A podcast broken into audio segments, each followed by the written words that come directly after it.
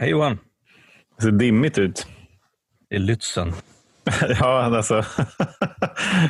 är det någonting man kommer ihåg från historieböckerna så är det ungefär, det såg ut ungefär så där tycker jag. Vad är det som händer egentligen inne där i garderoben? Jag sitter och tänker på så här det med historia. Ja. Att eh, Jag får för mig att, eh, att referenser som, som vi gamla, vita, välbärgade, eh, privilegierade män ibland kör, framförallt jag som är över 50 år, bara går rakt över huvudet på folk. Alltså, ja visst, man pratar väl om dimman i Lützen i skolan, men, men det finns mycket annat som, som är eh, jag börjar bli så jävla gammal. är det där liksom att, här, att du har kommit på hur gammal du är eller är det att din, din mentala ålder har kommit ikapp din fysiska ålder? Nej, jag vet inte. Jag tänkte på det här om veckan. Det var någon, det var någon eh, som också refererade till någon sån här gammal grej som jag bara, ja, ja, ja. Och tänkte att här, ingen under 40 vet ju vad den här snubben pratar om. Mm. Och då så, eh, så kom jag på så här, härom, härom, jag såg att de nu i coronatider att de skulle sända en gammal klassisk Wimbledon-final mellan Björn Borg och John McEnroe som höll på i sju timmar eller vad fan det var. Ja, Björn Borg till slut vann. Jag tror det var den sista, som var den femte. Mm. 1900, från 1980. Mm. Men det lärde jag mig när jag såg Björn Borg-filmen.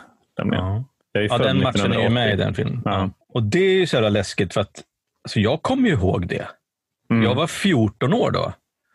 Men eh, det, det, får mig att tänka på, på vi ska inte sitta här och, och snacka allt för mycket om att jag är för gammal och har taskiga referenser. Men dagens gäst, mm. han skulle ju inte födas förrän nio år efter den här klassiska episka finalen. Nej, och men det, det var en ganska episk grej när det hände. Ja. Så vem är det vi har med oss egentligen? Det är jag. Alexander heter jag. Hej Johan, hej Roger. Hej Alexander. Hej Välkommen. Tack. Vi kan ju köra en disclaimer på en gång. Vi känner ju Alex väldigt bra. Båda, båda två av oss. vi, vi tror att vi gör det i alla fall. Vi får väl se vad som kommer fram i samtalet. Mm. Ja, precis. Jo, jag vill tro att ni känner mig rätt bra efter, efter nästan två år. Hur mår du? Jag mår bra. Lite nervös är, det, är jag. Så här. Känner du dina händer? Jag känner inte riktigt mina händer. De är, eh, de är rätt kalla som de brukar bli när jag blir nervös. Så jag sitter och eh, sitter på dem faktiskt just nu för att få tillbaka nice. lite värme. Vilken rolig grej. Jag ska bli grillad av Johan och Roger. ja, eh, fan. Skönt med en roast. En söndagsroast. ja, söndagsroast. söndagsroast. Du, berätta för lyssnarna, vem är du? Mm, jag heter Alexander. heter jag. Eh, kommer från eh, den skånska idyllen på något, något som heter Bjärehalvön nere i Skåne. Är väl, eh, född, är väl den person som anser vara född som missbrukare eller med missbrukarpersonlighet. Har varit nykter och drogfri i 19 månader igår faktiskt. Oh. Just det, 30 maj. Ja, så 19 månader igår. Coolt, grattis. Tack så mycket. Ja, vad gör jag till vardags? Jobbar som projektledare, har flyttat min mentala besatthet från eh, droger och alkohol till eh, kampsport. Så ja, jag blir, eh, jag blir fortfarande lika dum. Liksom. Istället för alkohol i huvudet så är det väl slag mot huvudet. Men, eh, men jo, ja, men det är väl lite det jag gör. Liksom. Mm, spännande. Vi kan ju återkomma till det lite senare. Om just det här med att flytta mentala besattheter. Det är ju ändå lite nyttigare, förutom slagen mot huvudet. Då. Huvud. Ja, precis. Förutom den lilla detaljen. så Nej, men jag tror, jag kan absolut prata om det sen. Jag tror, jag tror att man jag tror nästan att det är det man gör. Flyttar mentala besattheten från droger och alkohol eller vad man nu har problem med till någonting kanske förhoppningsvis sundare. Du säger att du är född som missbrukare? Eller är det ja. beroende? Ja, som beroende. Jo, men det vill jag nog påstå. Alltså, jag har haft väldigt lätt att liksom fastna på saken nästan direkt. Alltså, det räcker till med att jag tittar på någonting eller äter någonting så blir jag typ beroende av det direkt. Jag menar, det räckte ju med att jag nästan rökte en cigg och sen så var jag, när jag var 14 och sen var jag tvungen att röka liksom 100 cigg om dagen. ja, men lite, lite, lite så eh, blev det. Och så blev det med, med alkohol. Definitivt. Mm. Jag har alltid liksom allting, allting som ger mig någon form av kick eller liksom sätter igång det här belöningssystemet blir jag beroende av egentligen direkt på plats, på stund. Hur, hur gammal var du när du märkte det första gången? Så det är väl en bra fråga. Så jag måste nog säga att det var när jag var typ 14-15. Mm. Någonstans, eh, när jag började dricka, dricka öl. Alltså, där, där och då kanske jag inte insåg att jag hade en beroende, beroendepersonlighet. Men det blev väldigt, väldigt påtagligt ju äldre jag blev. Och då började man ju också bygga upp, eller det har jag alltid haft, en offerkofta. Liksom. Det var väldigt synd om mig egentligen hela mitt liv. Tycker jag själv, måste jag säga. Tycker jag själv. Eh, kollar man med verkligheten, not so much. På, på vilket sätt var det synd då? Ja, men alltså man, man letar ju liksom alltid anledningar till varför det var synd om mig själv. För att jag var så, eh, jag var så starkt, så starkt behov av uppmärksamhet hela tiden. Jag ville synas, jag ville höras, eh, Eh, jag ville liksom finnas. Och då, var det, och in, då märkte jag rätt så fort att det snabbaste sättet eller enklaste sättet att få uppmärksamhet och att hela ljuset skulle föras på liksom, mig, mig eller jag Alexander var ju liksom att bygga upp självömkan. Självömkan som i sin tur leder till självskadebeteende. Att vet, man hittar på egna alltså hittar, hittar på scenarion som knappt har hänt liksom, för att någon ska tycka synd om en. Hur såg ditt, eh, ditt liv ut liksom, till det yttre ungefär då vid den här tiden? 14, 13, 14, 15? Alltså jag, hade, alltså jag har haft en jätte, jätte, jättebra uppväxt. Alltså det, jag, är inte alls någon, jag har liksom inte alls någon, eh, några problem överhuvudtaget egentligen. Men, men det var ju jävligt synd om mig. Så mitt yttre kantades väl egentligen om att det var mycket, mycket fasader. Jag försökte alltid passa in överallt anpassade mig efter människor. Jag hade sällan några egna direkta åsikter faktiskt om någonting. Utan jag, utan jag liksom, ska man säga, jag stal, får man nog säga, jag stal andras tankar, idéer och värderingar och gjorde det till någonting eget för att jag skulle kunna passa in i just den gruppen. Till exempel i gymnasiet då. Varför var det så tror du? För att du inte visste vad du tyckte eller ville eller var det för att bara för att du ville att andra skulle... Jag ville bara, jag ville bara att alla andra, alla andra skulle tycka att jag var bra. Jag ville bara vara omtyckt. Det var det absolut enda. Och att jag aldrig kände att det som, det som jag var det som jag stod för, det var aldrig riktigt enough. Alltså, jag har själv aldrig tyckt, oavsett vad folk har sagt, att jag har varit tillräcklig för någon eller något. Som bäst har jag ansett mig själv vara medioker. Det är som absoluta bäst, medioker. Det, det, ja, men du har ändå, hit, du har ändå pikat på medioker några gånger. Jag har varit och touchat på mm. toppen utav mediokert. Och det är, det är mina vänner där ute i, i, i världen. Det är inte så jäkla dåligt att medioker.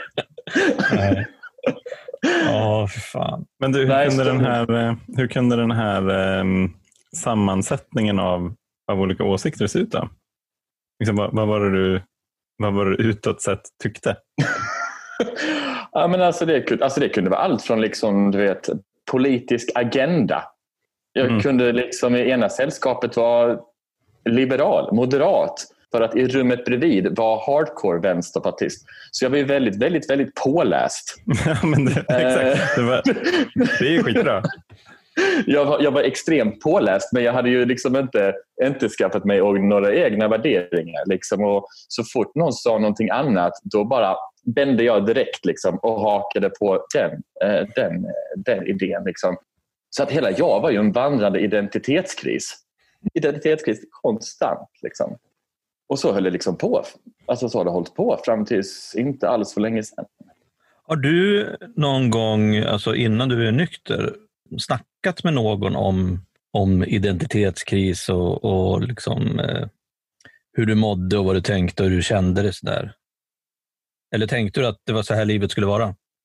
Inte kring identitetskriser. Alltså, jag kände ju någonstans att det måste vara något fel på mig. Det måste, jag måste ju vara psykisk. Eh, jag måste ju vara psyk, alltså det måste vara en, en psykisk sjukdom i mig. Liksom, med tanke på hur jag är och hur mycket ångest jag hade och hur mycket jag, mycket jag drack.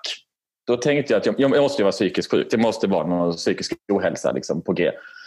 Så då googlade jag runt och jag har ju då, liksom, i och med att jag aldrig haft några egna åsikter, så har internet varit en väldigt, internet varit en väldigt bra källa utav eh, visdom.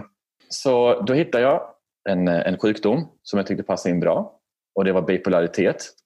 Så mm. då lärde jag mig typ hela den Wikipedia-sidan utan till för jag tyckte att den passade in så bra på mig. Och alla vet att man ska googla eh, sjukdomar och sånt på internet för då kan man ju liksom ha nästan vad som helst. Allting passar liksom in. Men då hamnade jag i alla fall i psykiatrin, blev utvärderad och egentligen det jag gjorde var bara återberätta typ hela det jag hade läst, alltså hela Wikipedia-sidan. Och då fick jag diagnosen bipolaritet och där byggde jag en identitet kring det. Och det var ju världens bästa källa utav uppmärksamhet och att synas. För då var det så jäkla synd om mig för jag var bipolär. Hur gammal var du då? Ja, alltså jag har gjort, jag har gjort, jag har gjort den här sessionen i två svängar. Va? Mm. Ehm. Ordentligt. Första gången var typ när jag var 15 och sen så på riktigt då när jag verkligen blev medicinerad ordentligt var jag när jag flyttade upp till Stockholm och det var jag 22 eller någonting. Det var där och då jag verkligen byggde en identitet på det kring det och skyllde egentligen allting på den. För att Alltså liksom när, man, när jag, då, jag upptäckte rätt så snabbt att med den här identiteten som jag byggde kring liksom bipolaritet och den här psykiska ohälsan så använde jag det liksom som ursäkt till egentligen allt. Alltså till alla former av beteenden, till att jag inte gick till jobbet eller alltså vad det än kan vara. Liksom. Det var bara uh, massa ångest liksom. Som sen skulle visa sig ett massa, massa, massvis år senare, massa, massa års uh, missbruk senare att det var ju bara missbruk det var ju inte någon psykisk ohälsa i den bemärkelsen utan den psykiska ohälsan hade ju flera års eh, aktivt drickande och knarkande gjort. Men det här är ju jättespännande. Alltså, när du fick diagnosen då, mm. trodde du på den själv? Ja, gud ja. Alltså, jag hade, alltså, det här är också så, det här är också så, infernal, alltså, så extremt roligt eh, på ett dåligt sätt.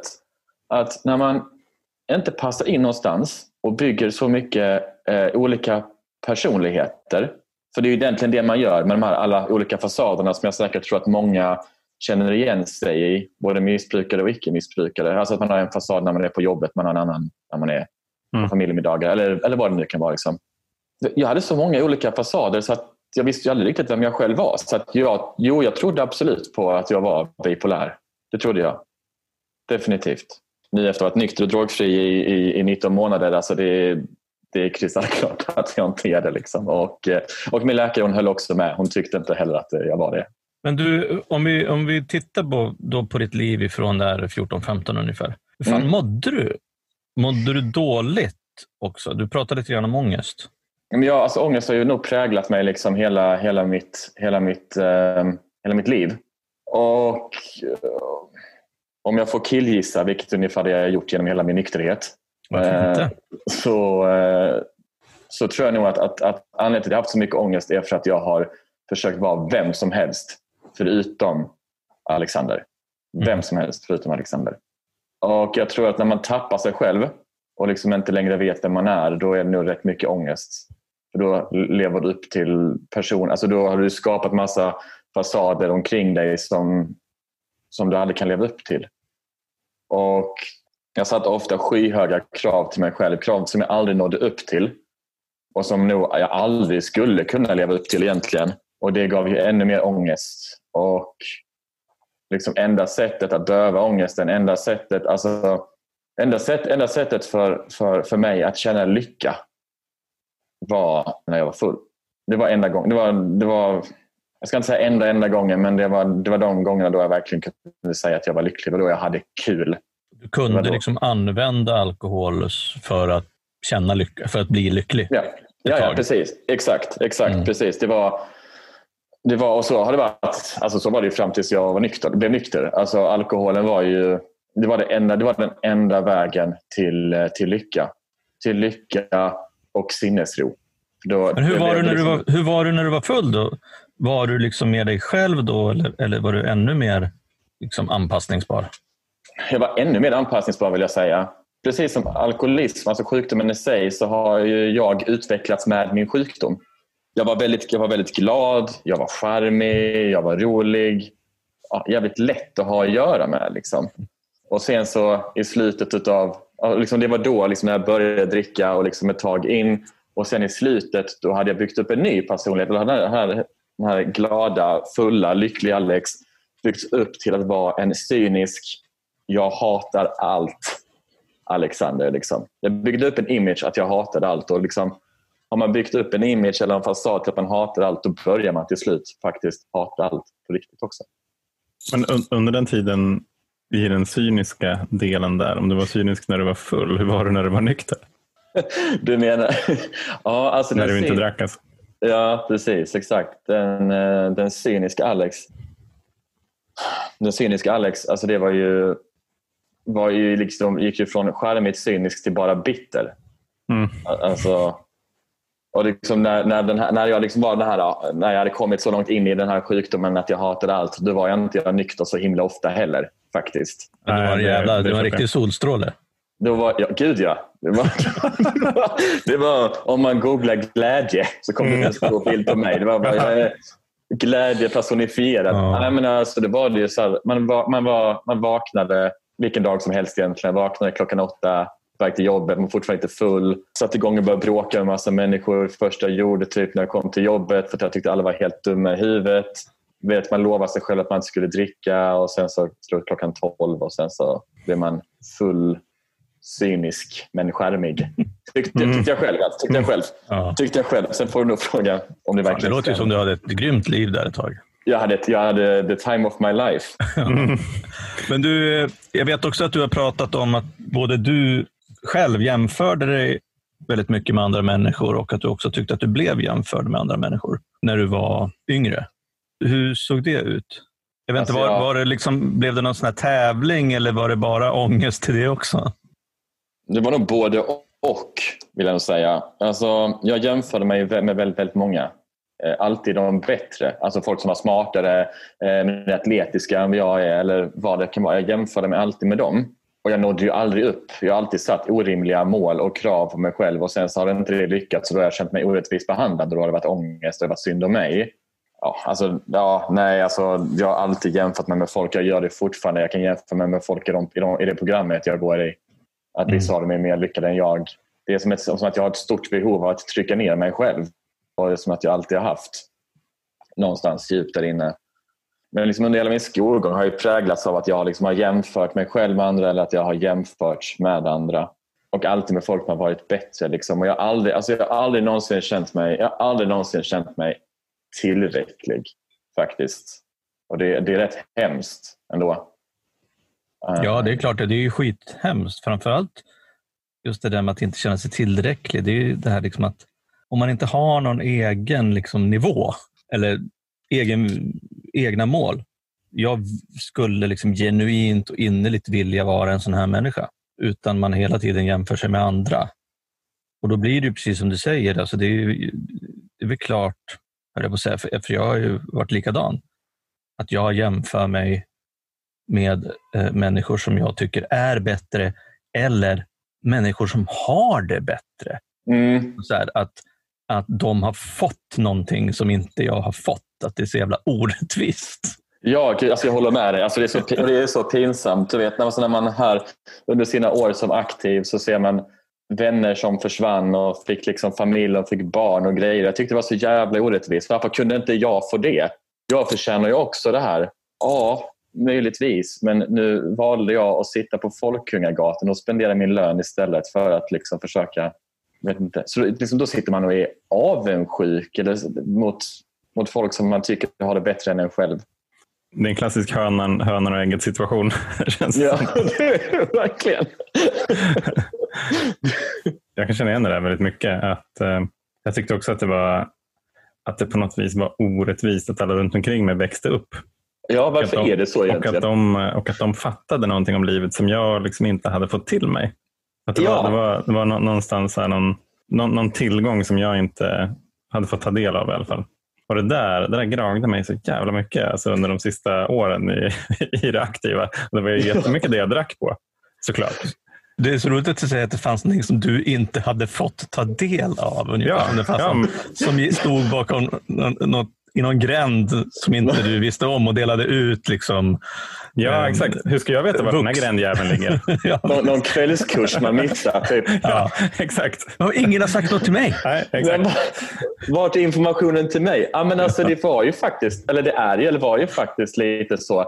Och det var ju där i slutet var det liksom att ja, men jag kommer ju jag kommer ju sluta dricka så fort jag träffar någon eller jag kommer sluta dricka så fort så fort, så fort jag flyttar ihop med någon. Alltså det här är ju mm. bara något jag gör. Jag gör bara här för att döda lite tid. Jag menar, jag har ju jag har inga barn, jag har ingen familj. Jag måste ju göra någonting. Så att, jag, menar, jag dricker bara lite lättsamt. Och sen hur lättsamt det är att dricka 12 öl en tisdag, det vet inte jag. Men Så nej, alltså jag har alltid haft det här mitt missbruk har alltid varit lite så, jag gör det här bara under tiden tills jag får mm. det där livet som alla andra har. För att det måste ju komma till mig, tänker jag.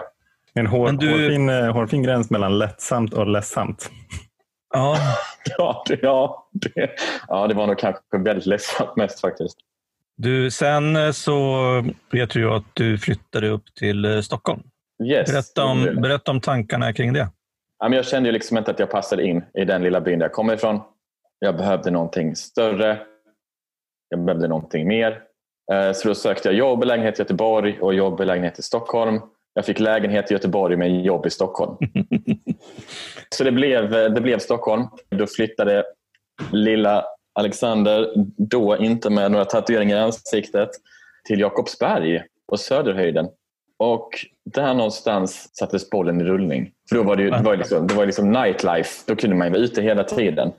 Och jag flyttade dit upp med en tjej som eh, sen inte trivdes så bra och flyttade tillbaka ner till Skåne igen och då någonstans öppnades, alltså då var det som att de sparkade upp en dörr till, eh, då behövde inte jag dricka med handbromsen i längre. Hur gammal var du då? 21, 22 kanske, mm. något sånt i runda slängar. Och då kom jag in i, eh, som säkert många där ute kan känna igen sig i, den glada DJ-branschen. Och... Kommer man in i den glada DJ-branschen? Och får ja, spela kick, kick-ass techno. då, spelar, då spelar inte jag kick-ass techno, då spelar jag kick-ass indie-pop. Och hur, hur, jag vet inte hur jag kom in i det där. Det är en stor, stor fråga. Jag vet faktiskt inte. Jag kommer inte ihåg. Det var ju, alltså Roger, det var ju minst 120 000 miljoner fyllor sedan. Finns det någonting som, alltså att det kanske inte var musiken i första hand utan att det fanns, liksom, fanns ganska goda möjligheter till att leva nightlife? Exakt, det var ju det att man, man, fick, man fick ju inte betalt. Man fick betalt i ölbiljetter och det var ju all eyes on me. Ja, just det. Passar det var, bra. Ju det. det var ju det. Alla tittar på mig. Här är jag. Jag bestämmer musiken. Då, då är liksom kontrollbehovet. Jag kontrollerar situationen. Det är jag som bestämmer vad folk ska lyssna på. Alla tittar på mig. Alla kommer att prata med mig. Och det är, det är gratis öl. Och i den åldern så var det ändå lite så här, lite, det blev lite status att man liksom var DJ. Och så här var man runt där på olika, olika nattklubbar i stan och fick öl och även då introducerad till, till kokain också. Ja, hur gick det till? Det, ja, det, det gick till. Uh, alltså, du hade, inte, hade, du, hade du kört uh, droger innan jag hade ju rökt gräs som alla andra ja. höll jag på att säga. Ja, men jag, hade ju, jag, jag hade rökt gräs bara. Och sen som en slump så var jag, var jag full. Äh, av en slump, det var inte en slump. Jag var full, däremot av en slump. av en slump var jag full. den, det var... Fan att jag inte hade den när jag var aktiv. Det var bara en ren slump. Utav en slump så var jag full på ett DJ-set. Nej, jag var för, för, för vanlighetens skull full på ett DJ-set. Blev erbjuden kokain. Jag visste inte riktigt hur man gjorde. Jag förstår inte. Jag, jag hade inte så bra konsekvenstänk riktigt. Eller, konsekvenstänk hade jag inte, men eh, en, en, hur man gör. Hur man snortar cola på ett bra sätt. Man Du kan väl bara kolla Wikipedia? Ja, jo, men genom näsan. Men jag tänkte inte det här med att man skulle liksom ta upp det i linor och ta med kort och sen en sedel eller någonting. Så jag tar påsen och försöker hälla det ner i min näsa. Nej, gör du det? Ja. Så den här, den här personens droger, alltså det var ingenting kvar när jag lämnade tillbaka. Han bara, vad i helvete har du gjort? Jag bara, jag vet inte, det var inte jag. Alltså, ja. Så det var en halvbra eh, knarkdebut. Hur gick det då? Alltså... Det var ju, det var ju 2 knark i näsan och 95, 97, ja, ja. 98 procent utanför. Men eh, det sparkar upp en dörr till, eh, till, eh, till ett drogmissbruk. Då. Som också börjar, det börjar också precis som alkoholen, liksom att det börjar lite lättsamt. Det är väl helt fel ord att säga kanske. Men man snortar kol lite då och då. Och sen så upptäckte jag att men sen så liksom alkoholen och, och fungerar. Alltså jag kände inte den här riktiga lyckan längre med alkohol utan upptäckte att, att droger kunde höja det här ett snäpp till och då börja med kokain helt enkelt. Och detta medförde ju självklart ännu mer psykisk ohälsa eftersom jag drack och knarkade väldigt mycket samtidigt som jag hade jobb Och som den duktiga missbrukare jag var så kunde jag ju alltid behålla jobb genom att hitta på 7000 ursäkter. Och sen så använde jag alltid, mitt, all, all, använde jag alltid det här psykisk ohälsa-kortet hela tiden. Jag eh, pratade faktiskt med en gemensam bekant till oss härom, mm. häromdagen. Mm. Och pratade lite grann om skillnaden mellan eh, alkohol och kokain till exempel. Mm. Och just det där att eh, jag har ju ja, i princip bara druckit. Jag tror att jag har testat liksom lite, jag, eller jag har testat lite droger, så här, typ ett par, tre gånger i mitt liv. Och så att jag, jag vet ju inte riktigt hur det är att vara kokainmissbrukare till exempel. Men det han pratade om, det var ju så här att ja, men det finns ju några skillnader. Ett, det är ju liksom att det är olagligt till skillnad från eh, alkohol. Och två, att det är mycket, mycket dyrare med kokain än eh, öl till exempel. När du då började gå igång på att konsumera kokain, Alltså på, för att eh, jag gissar att det blev en, det blev en del eh, efter ett tag. Det blev alltså, hur, en hur, del. Hur, tänk, hur tänkte du kring de här grejerna med att det var olagligt och att, att det kostade en jävla massa pengar? Uh, alltså när, det, när, det, när det gått så långt, så alltså, när det kom alltså, till olagligheter, så jag vet inte. Det spelar liksom inte någon roll. Och det var också lite, det var nästan lite spänning i det hela också. Det var ju liksom 70 procent spänning och resten, resten användning. Alltså det var ju liksom så här, hela det här förarbetet med att man skulle få tag på någon och sen så skulle man köpa det. Och så det var, hela, den här, hela förarbetet så att säga var ju mer spännande än själva användningen. För att det är ju inte jättespännande att, att stå på knä på en nerpissad toa och liksom trycka i sig cola direkt. Men nej, så det var, mer, det var liksom för spänningen nästan. Och sen så självklart effekten som kokainet gav men, men det var mycket spänning. Liksom. Och det ekonomiska, ja, men det höll ju inte. Det, det höll ju inte. Kunde man få betalt i kokain som DJ? Det är mycket möjligt att, man, att det kan ha hänt. Mm. Bara, bara hålla koll på liksom. Ja. Man kan också få betalt i andra droger. Ja. Man, kan också få, man, får också, man får välja. Man får välja Johan. Ja. Jo, det hände väl att vissa, på vissa, vissa DJs att man fick betalt i, i, i droger och alkohol och det hade ingenting mig emot för att de pengarna man fick de tog bara ett varv.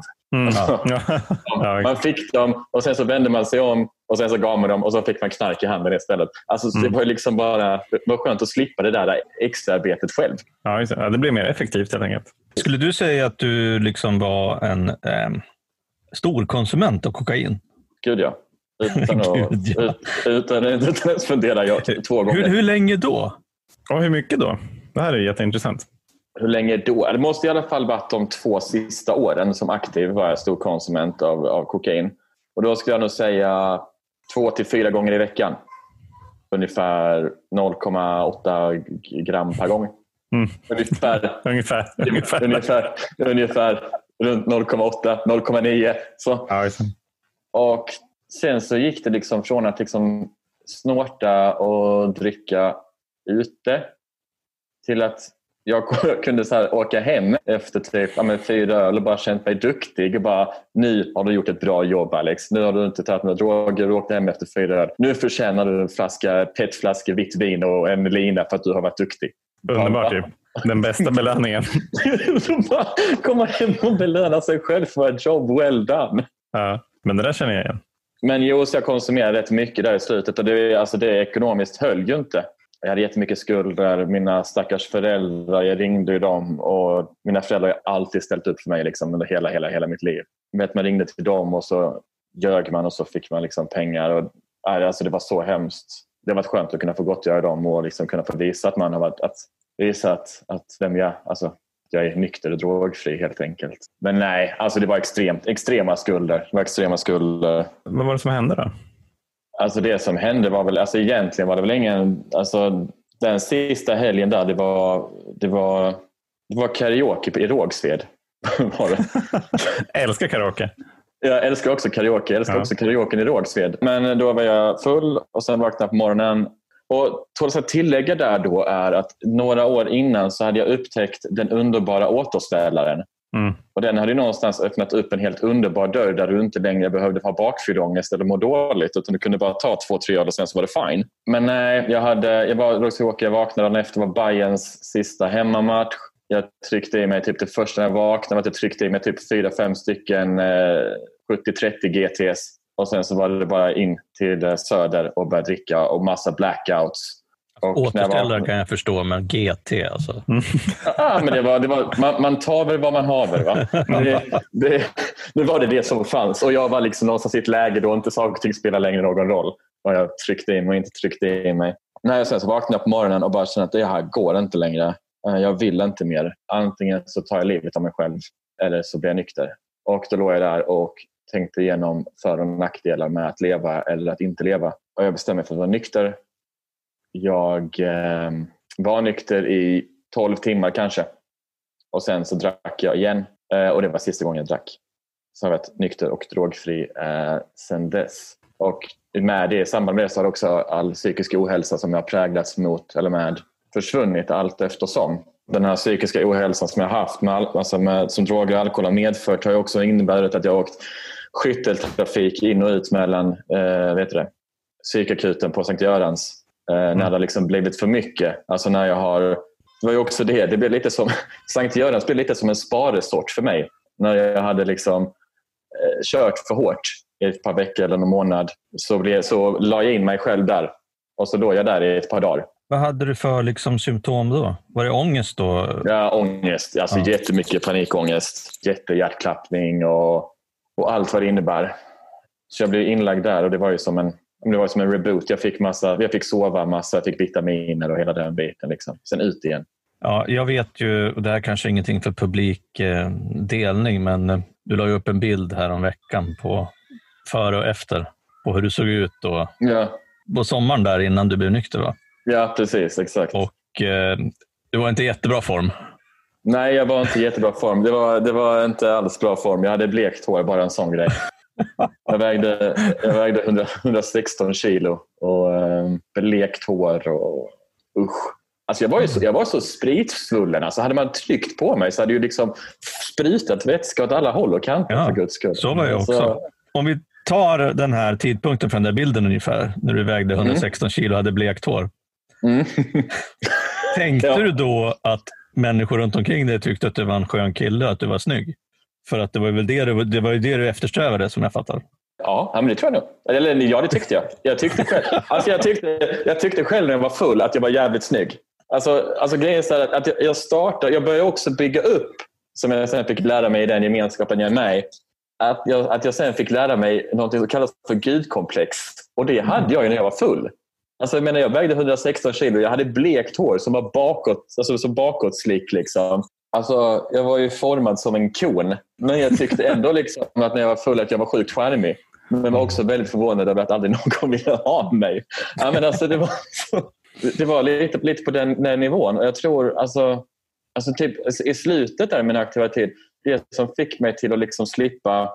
Alltså enda gången jag kunde liksom älska mig själv och tro att jag liksom var, var, var snygg och bra, det var när jag var full. Liksom. Mm. Och sen så när jag var nykter så var jag bara bitter och bakfull och eh, såg verkligheten.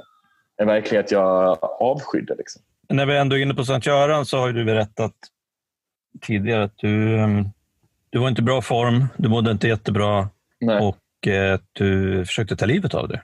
Ja, precis. Alltså, hela den här psykiska ohälsan som, som alkohol och droger skapade, alltså som jag då sa tidigare, det här med Sankt Görans, att man åkte in och ut därifrån, så kom det många gånger till en punkt då jag inte längre klarade av det längre. Jag klarade mm. inte av att bära upp alla de fasader jag hade byggt. Alltså krav, kraven som jag själv hade skapat. Alltså ingen annan har ju skapat de här fasaderna eller kraven på mig själv förutom jag. Och jag orkar inte bära upp det längre. Så jag beslöt mig för att eh, ta livet av mig själv. När var det här ungefär? Fyra år sedan ungefär. Så det, var inte, det är inte jättelänge sedan ändå. Jag hade fått väldigt mycket mediciner utskrivna eh, utav på grund av då min, eh, min påhittade bipolaritet. Eller snarare bipolaritet som jag själv trodde att jag hade och lurade sjukvården att jag hade. Mm. Så det var inte, alltså, när det kom till bipolaritet, jag trodde ju faktiskt att jag hade den. Så att jag ska inte säga att jag liksom hittade på eller någonting, för jag trodde ju verkligen att jag hade det. Men jag tror ju också, tål att tillägga då, var att jag tog min medicin lite som jag själv ville. Upp och ner och fram och tillbaka och inte riktigt alla dagar. Och ibland väntade jag i två veckor. Alltså, så det slog ju slint hårt. Och sen så alkohol och droger på det. Så jag kom till en punkt där jag inte längre liksom, jag klarar inte mer, jag vill inte mer. Jag var klar. Jag kände mig bara så här, fuck it. Det här, mitt liv blir inte... Det är det, här, det, är det, här, det är det här livet jag har fått. Liksom. Det blir inte bättre än så här. Så jag tog alla så här lugnande som jag hade. Drack lite bärs. Käkade min favoritpizza.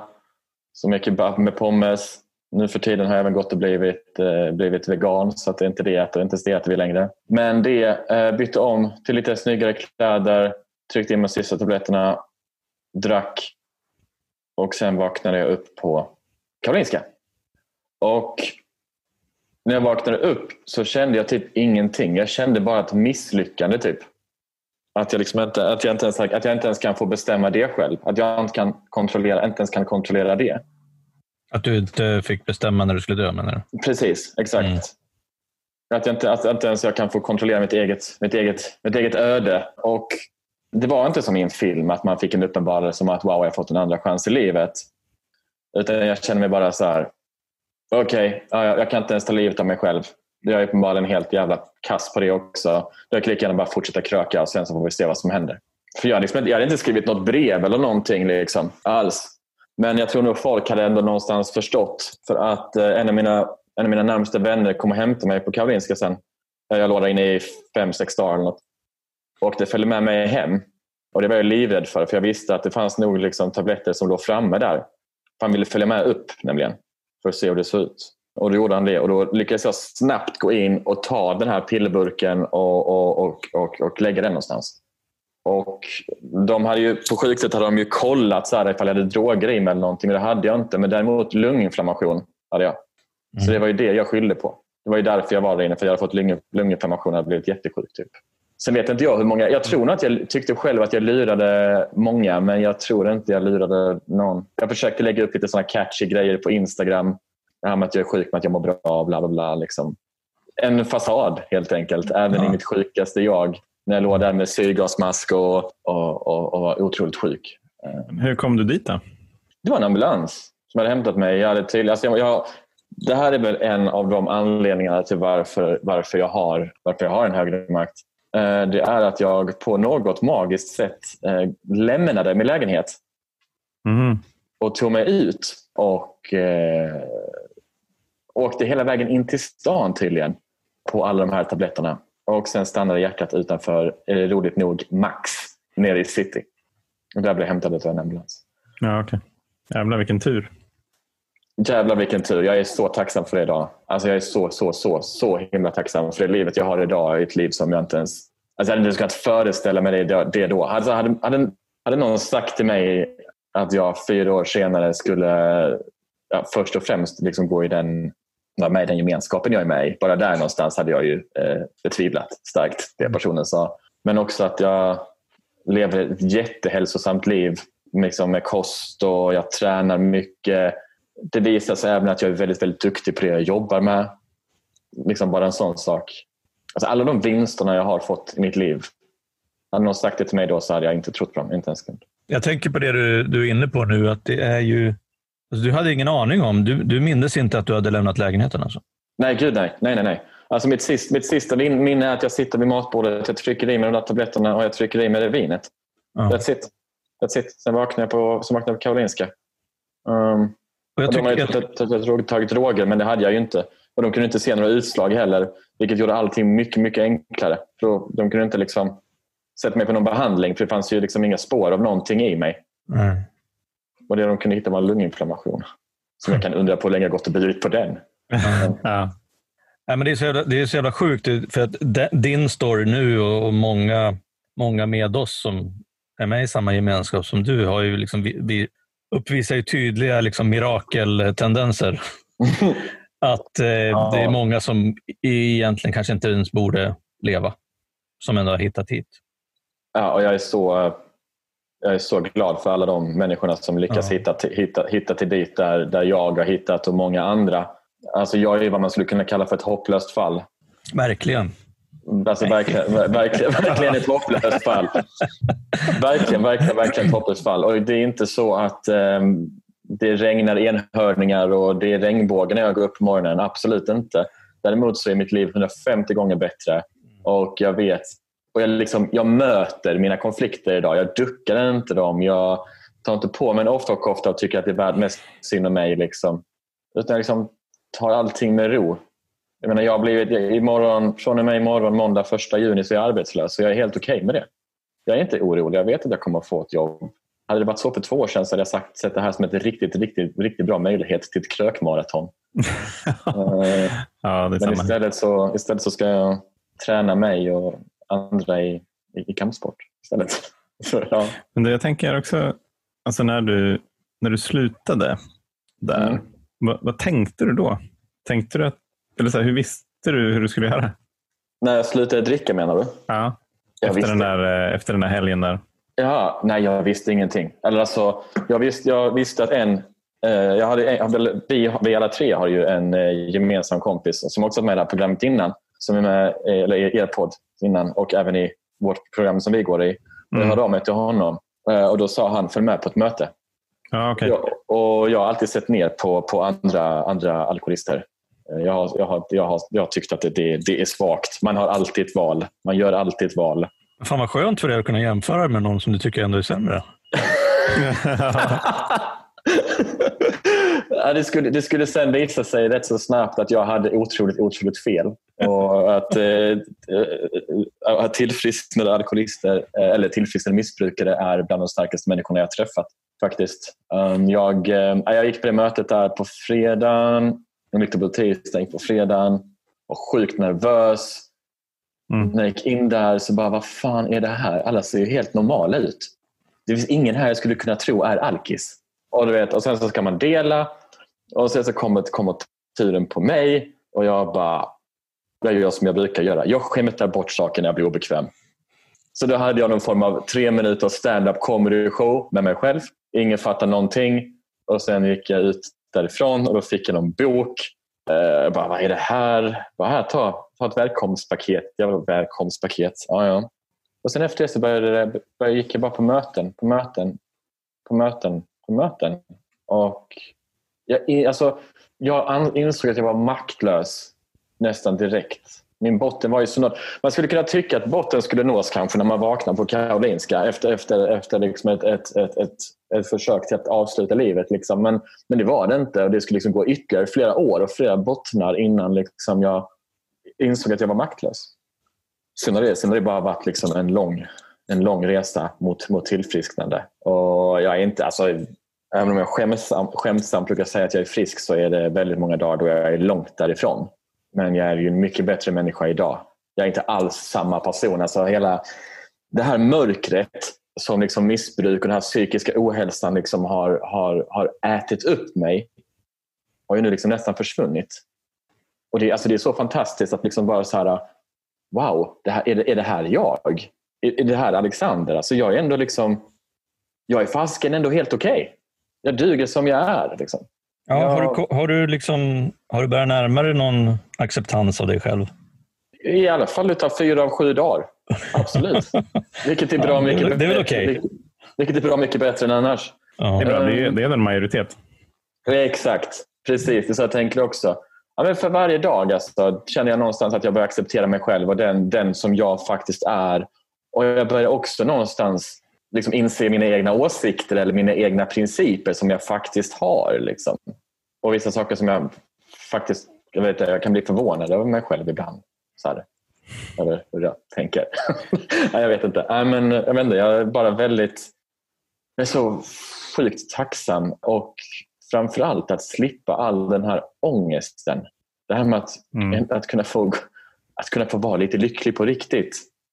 Lycka du, på riktigt är, det kan faktiskt vara rätt jobbigt ibland om jag ska vara helt ärlig. När du jämför känslorna av lycka i nykterheten jämfört med i det aktiva, är det någon skillnad? Ja, alltså det tog lång tid för mig att förstå vad lycka i nykterhet var. Alltså, alltså rent det jag känner är det här lycka. Alltså det var jättesvårt för mig att veta för att den lyckan jag hade känt var ju bara när jag var, när jag var aktiv. Mm. Och det var ju falsk lycka. Så, så för mig så det, jag känner så mycket mer. Alltså lyckan den är så, den är så hur ska jag förklara det? Liksom? Det är nästan så jag vill bara ge dig mitt hjärta och bara här Johan. Mm. Du förstår det. Nej, men alltså, det känns som att någonting växer i en. Liksom. En upp, upprymdhet och där allting bara känns så himla, himla, himla bra. Alltså riktig lycka. Alltså riktig lycka, det är typ som, som typ, jag vet inte, den bästa, bästa fyllan utan några konsekvenser. Nej, jag vet mm. inte. Det, var, nej, men alltså, den är, jag vet, det, går så, det är så svårt att förklara, men det är upprymdhet. Det är, det är, liksom, det är glädje, det är väl, alltså, så här, vältillfinnande. Liksom. Jag känner mig mm. komplett. Det gjorde jag inte när den lyckan kom när jag var aktiv. För att det var, jag intalade mig själv att jag var lycklig. Men egentligen var jag bara extremt, extremt olycklig. Jag tycker, så här, jag tycker så här ofta att eh, när jag kan känna mig lycklig, då, då, brukar det, då brukar det två saker som, som händer. Ett, att jag verkligen känner någonting liksom, i kroppen. Att det bubblar lite eller att det liksom är varmt. Eller, och två, att det handlar oftast, eh, väldigt ofta om att jag är liksom, att jag är närvarande. Att jag är här och nu. Och, och det tänker jag till skillnad från mig förut, för då, då trodde jag ju alltid att jag behövde vara någon annanstans. Eller att det fanns någonting som var bättre. Och att kunna stanna liksom och vara närvarande och, och vara, känna lycka i stunden, det är så jävla sjukt och stort. För det gjorde jag ju aldrig tidigare. Nej, alltså där kan jag verkligen hålla med dig. Alltså det här med, med att leva i stunden och, och leva i nuet, det har jag heller aldrig gjort. Alltså, det har ju alltid funnits någonting annat, någonting bättre på andra sidan hörnet. Hela, hela, hela tiden. Liksom, bara det här händer, bara det här händer, bara det här händer. Liksom, det är ett idogt jobb att vara aktiv. Det är ett, det är ett jäkla jagande efter stort sett allt. Men varje gång man uppnådde något form av mål så var ju det aldrig tillräckligt. Liksom. Man stannade aldrig upp och liksom uppskattade det man hade tills man hade förlorat allt och då var det ändå synd om en själv. Nej, det, där, det där är en jävligt bra grej faktiskt. Just att beskriva skillnaden mellan att vara aktiv och eh, alltså tillfrisknande. Alltså, tänkte jag var aktiv alltid, alltid på väg någonstans. Mm. Antingen så jagade någonting eller ville ha någonting eller trodde att jag ville ha någonting. Eller tyckte det var orättvist att jag inte hade någonting som någon annan hade. Det ena, liksom, att jag hela tiden jagade efter någon, någon känsla eller någon, något, något tillstånd liksom, som jag trodde att jag ville ha. Och Det andra är också att, eh, att jag var på väg, att jag bara liksom krossade moraliska och etiska gränser som jag hade satt upp för mig själv. Att jag bara, det här ska jag aldrig göra, det här ska jag aldrig göra, det här ska jag aldrig göra. Så bara gjorde jag det, så jag bara gick vidare till nästa. Liksom.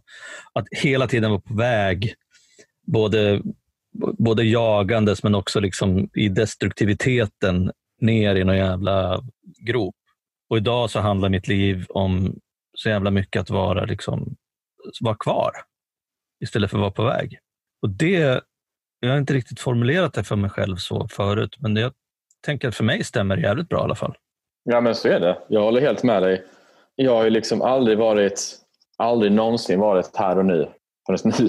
Alltså, mm. när, jag, när, jag började, när jag blev nykter också, när folk, när, när folk sa du, en dag i taget. Jag bara, vadå en dag i taget? Kan väl för guds skull inte ta en dag i taget? Jag måste ju planera hela mitt liv. Jag måste ha det här, det här, det här, det här. Och alla bara, ja men en dag i taget. Alltså jag var ju så upprörd på så många människor om det här en dag i taget mentaliteten så jag trodde jag skulle, jag höll på att implodera. Liksom. Mm. Uh, mycket upprörd var jag. Um, nu, men det, det, hör ju, ändå... det hör ju själv, jag går igång direkt. Ja, jag hör det. Men det verkar, det verkar ändå som du har um, tagit rygg på folk som du, som du ser har någonting som du ville ha och ändå gjort grejer i programmet. Ja, det har jag absolut. Alltså jag har ju sett, alltså jag har hört människors delningar, liksom hur folk har rest sig liksom från verkligen bottens liksom, och, och kunnat resa sig och bli någonting alldeles vackert. Mm. Alltså, I alla de rummen jag är, jag har varit på med folk som har varit nyktra i en vecka eller i vad var det vad någon hade? 27 år. Det var riktigt länge med tanke på att jag själv inte, knappt är så gammal. Höll jag Alltså, alla de människorna, det är liksom, jag kan lära mig så mycket. Och de, alla, alltså man kan ta rygg på nästan alla. Och Jag har ju alltid velat ha det. Menar, allt, från, allt från människor i programmet som, som har fått, fått, fått barn under sin tid, som har blivit nyktra. Bara det. Eller lyckats med jobb eller liksom har påbörjat. Alltså, jag vet inte. Det är så, för mig så är det gemenskapen jag går i är hopp. Det är hopp. Hade du det hopp om, jag fått frågan. Om jag hopp för, nej, nej, nej, nej, nej, det hade jag verkligen inte. Jag gick på autopilot. i väntan på någonting. Vad var det jag väntade på? Jag vet inte. Jag jagade allt. Alltså, jag var liksom som en hund som jagar bilar. Liksom. Vad, den, vad den var. Liksom. Ja, Nej, jag hade inget hopp. Mm. Jag, kan, jag kan känna igen det där. Jag hade nog inte heller något hopp. Utan livet blev liksom en kamp att fortsätta tills det där hände som skulle ändra allting. Ja, men precis, som, exakt. Och det är ju det är inte jättebra förutsättningar för ett uh, lyckligt liv. Att, uh, att, att det går ut på att, uh, på att kämpa sig igenom och överleva tills något mirakulöst händer som jag inte har varken ansvar för eller kontroll över. Som man ändå någonstans väldigt, väldigt gärna vill kontrollera. Jag vet inte, en, en hopplös jakt. En hopplös jakt efter hoppet. Nej, jag vet inte. Ja, men, men typ. Alltså jag, vet, när, jag, när jag tänker tillbaka på det, för ibland så känns det som att Ibland känns det som att det var 150 år sedan jag var aktiv och alla de här tankarna och alla de här känslorna fanns i mig. Och ibland mm. så känns det som igår. Och nu när vi pratar om det, alltså jag blir helt, alltså jag blir helt matt, helt trött. Jag förstår inte hur jag klarade det. Mm. Eller det gjorde Nej. jag ju inte. Alltså jag klarade ju inte det, men att jag, att jag kunde stå ut så länge. Alltså, mm. det, jag hoppas verkligen att alla de som är, liksom, är aktiva i något form av beroende där ute, att de får känna den hoppen och den, och den, den sinnesron som, som, som, som jag känner. För att det, det var så, jag kommer ihåg när jag hittade sinnesro för första gången. Det var kanske, kan det jag vet inte exakt tidpunkt, men typ en månad in eller något kanske i, i, i programmet. Så var det bara som att alltså, helt plötsligt bara började liksom tyngder lyftas från mina axlar. Liksom. Jag kunde andas. Istället för att liksom ha min andning uppe vid halsgropen hela, hela, hela, hela tiden så kunde jag liksom börja jag vet inte, min andning blev normal. Bara en sån grej. Liksom. En sån enkel grej som att min andning blev, blev normal. Och sen så slutade jag också vara fet och då hade jag inte sömnapné heller. Bara en sån grej också. Att min levnadskvalitet gick rakt upp. Men nej, nej men det var nog det. Men som sagt, hopp, det är nog det. Du blev ju ändå nykter och drogfri före din 30-årsdag. Ja. Vilket, vilket är hyfsat tidigt ändå. Eh, jämfört både med mig och Johan så ligger det ju några år tidigare. Så att det här hoppet som du har nu, det, liksom, det finns ju ett helt liv att leva. Jag vet och det är så på ren svenska jävla fantastiskt. Att jag, liksom, jag, blev, jag, var, jag, var, jag var 29 när jag blev nykter, ja, 29 och ett halvt. Då, men alltså, jag får uppleva allting på nytt igen. Alltså, som att, liksom, jag, har aldrig varit, jag, jag, har nog inte varit i Köpenhamn i, i, eh, i, i vuxen ålder eh, nykter. Och nu var jag där med min bästa vän och kollade UFC. Och liksom, jag, har varit, jag, var tränade, jag var tränade MMA i London i vintras ja, men du vet, uppleva sommaren för första gången nykter. Liksom träffa människor. Allting är ju på riktigt. Allting är ju på riktigt och det kan vara väldigt, alltså, det, det är väldigt överväldigande väldigt, väldigt många gånger. Men, men grejen är så att jag har hela mitt liv. Mitt liv har börjat nu. Nu har mitt liv börjat. Du brukar ju vara ganska dryg och skämta om att du är frisk. Ja, det är korrekt. Men eh, det är det ju inte, det vet vi allihop. Nej, det, ska säga, ja, ja, ja, Nu har vi bevis också. nu har vi, det finns inspelat att jag inte är speciellt frisk. Ja, nej. Ja, men vad, det, vad gör du nu för tiden, då, efter 19 månader in i nykterheten, för att liksom behålla din andliga spänst och din eh, nykterhet? Jag vill ju jättegärna säga att jag mediterar varje dag och hej och hå, men det gör jag faktiskt inte. Men eh, jag, Alltså, vad gör jag egentligen? Jag, inte, jag, jag går på möten. Jag vill alltid försöka sträva efter att vara mitt, mitt bättre jag. Hela, hela, hela tiden. Jag har slutat känna så mycket skuld och skam över det som var. Och istället så ser jag liksom bara liksom möjligheter till att vara bättre. Så egentligen varje dag så vill jag försöka bara vara, bara vara så bra jag bara kan. Och för att göra det så behöver jag liksom, så gå på möten och försöka liksom, så, så ofta jag kan hålla mig så nära programmet som möjligt genom att försöka prata med människor i programmet. Vad heter det, apropå skuld och skam? Du, mm. pratade om, du nämnde någon gottgörelse, just det, till dina föräldrar. Mm. Vill du berätta lite om gottgörelserna? Vi kan... Gottgörelsen till mina föräldrar den var jävligt snabb. Alltså, grejen är jag, tror, alltså, jag gottgör nog mina föräldrar varje dag genom att vara nykter. Jag vet hur stolta och hur mycket de älskar mig och hur, alltså, hur, hur otroligt stolta de är över den resan jag gjort och den resan jag gör. Det är, så, det är det som är min gottgörelse till mina föräldrar. Hur den såg ut, eh, det var ett telefonsamtal på cirka 25 sekunder så det var inte en, mm. en lång redogörelse där. Ja, det var väldigt effektivt. Man är ju projektledare så. Man är ju projektledare så man är ju effektiv. Man checka av den. Och min mamma är också projektledare så hon är också effektiv. Så vi, det var pragmatiskt. Nej, alltså, jag ringde till mina föräldrar för att liksom säga att jag ville komma ner och gottgöra. Och då sa hon att nej, nej du behöver inte gottgöra oss. Var bara nykter. Lova bara att du är nykter. Jag har ju några gottgörelser kvar, men på de gottgörelser jag har gjort så har jag alltid varit villig att göra det som krävs. Alltså vad det än är. Men när alla bara säger att nej, det enda vi vill, det enda jag vill, det enda vi vill, det är att du ska fortsätta vara nykter. Snälla.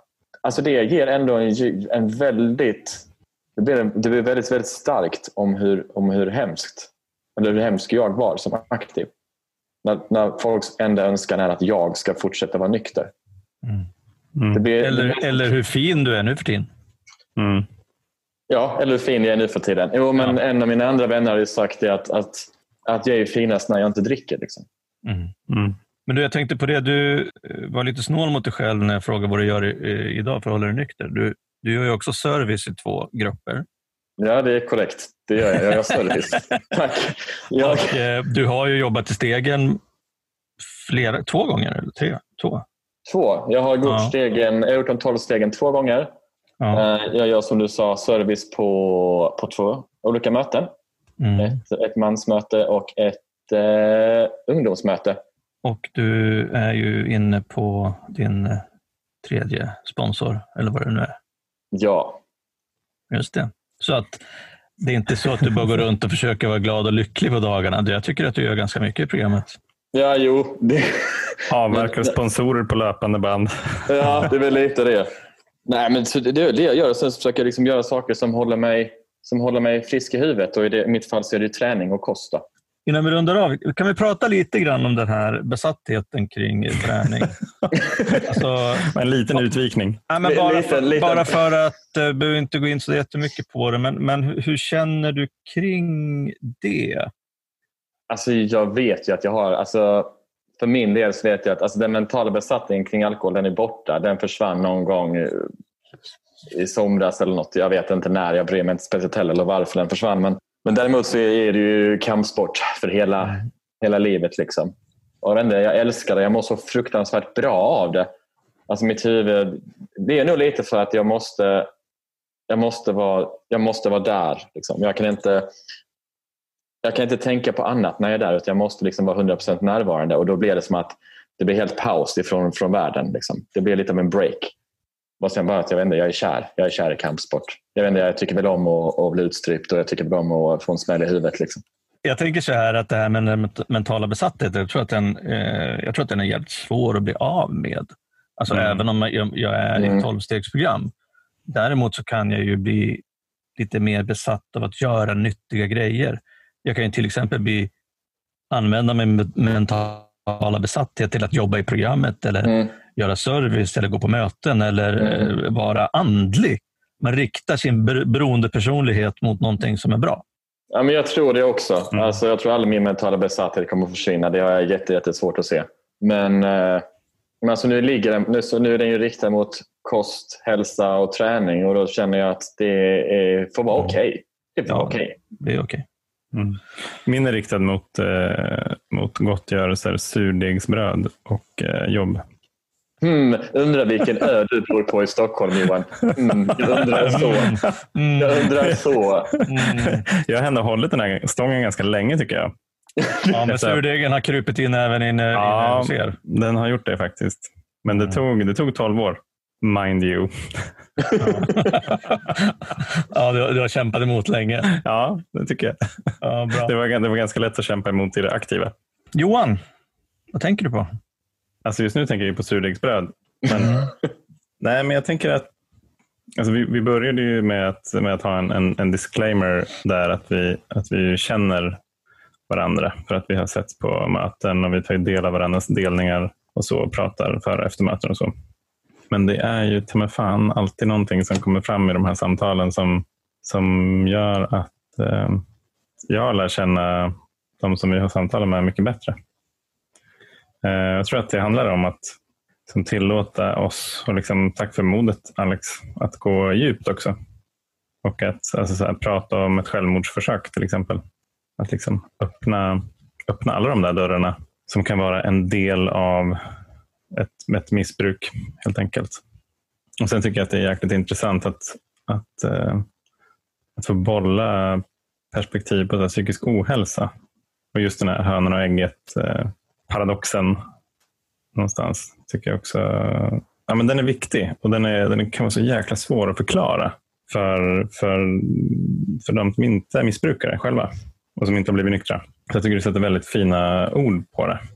Det är väl egentligen bara ett stort fett jävla tack för det. Tack. Roger? Mm, jag är lite inne på samma sak. Jag tycker att det var så jävla fint att kunna närma sig den här gästen och det här snacket liksom utifrån eh, alltså psykisk ohälsa eh, och prata mer om, om, om de här behoven som, eller bristerna som du hade. Det här med bekräftelsebehov och identitetskris och sen ångest och, och eh, en, eh, möjligen en bipolaritet också. Det är, det är svårt att veta. Och sen eh, alltså gå vidare ja, till, till självmordsförsök också. Alltså, jag brukar säga så här att när jag, pratar, när jag säger att jag är alkoholist så innebär det några saker. Alltså dels att jag var maktlös inför alkoholen, men också att jag har en, en både en psykisk och en så känslomässig störning. Och var, liksom, var alkoholismen slutar och psykisk ohälsa börjar, eller tvärtom, den gråzonen är så jävla svår, men också spännande. För att jag tänker på att det är så härligt liksom att, att Alex nu som frisk i tillfrisknande att, eh, att jag menar, det mesta av den här psykiska ohälsan liksom har försvunnit. Och Det är så jävla sjukt att, att vi som är alkoholister kan använda oss av det här enkla programmet för att besegra eller förminska, lindra liksom psykisk ohälsa. Och även känslomässig emotionell ohälsa. Och Det tycker jag är helt jävla galet. Så jag tycker också att det var jävligt härligt att få prata med dig. Hur mår du Alex? Hur, kän, hur känns det i dig nu? Jag är jättetrött. jag, har varit, jag var så nervös hela dagen och så har jag tränat här hela förmiddagen och sen så... Jag vet inte, det, alltså det är väldigt... Um, alltså man töm, alltså när man har sådana här samtal, om det är en podd eller om det är mellan två stycken, liksom, ja, eller om det är en annan, annan missbrukare. Alltså det blir, man tömmer hela sin sin tanke, sitt hjärta, sin mm. själ. Mm. Så när man är efteråt blir man så här väldigt uh, ut, utmattad. Jag har en fråga. Om du hade fått säga någonting till Alexander där för fyra år sedan när han kom ut från Karolinska till exempel. Mm. Vad hade du velat säga till honom? Det är en bra fråga. Jag hade nog sagt att det finns hopp. Ja, det, alltså till, till liksom den Alexander hade det inte hjälpt att säga men skärp till dig eller ta dig samman eller, eller whatever. För det har folk försökt göra i hela mitt liv. Jag hade nog bara sagt ge inte upp, det finns hopp. Och vill, du, vill du skicka med någonting till lyssnarna? Samma, samma sak kanske? Samma sak där ja. faktiskt. Alltså det, finns, det finns hopp. Alltså ja. ge, inte, ge inte upp. Livet är bra. Livet är också ditt. Alltså det är ditt liv. Det är ingen annans. Så ta tillbaka ditt liv och det finns alltid, alltid, alltid hopp. Det skulle jag vilja säga till dem. Ja, grymt. Underbart. Nu, jag vill inte förstöra det här samtalet med liksom att dravla om någonting annat känner jag. Nej, men om det är någon som eh, vill eh, kontakta oss eller kanske till och med Alex, om, om ni känner igen er, så hör av er till alkispodden gmail.com, Instagram, Messenger, så finns vi där. Mm. Vi kan nog vi kan försöka också sprida lite hopp här framöver. Underbart. Stort tack Alex för att du ville vara med. Mm, tack. tack för att jag fick vara med. Och till alla lyssnare, ha en eh, magisk helg. Ta hand om er. Hej då. Hej då. Kram.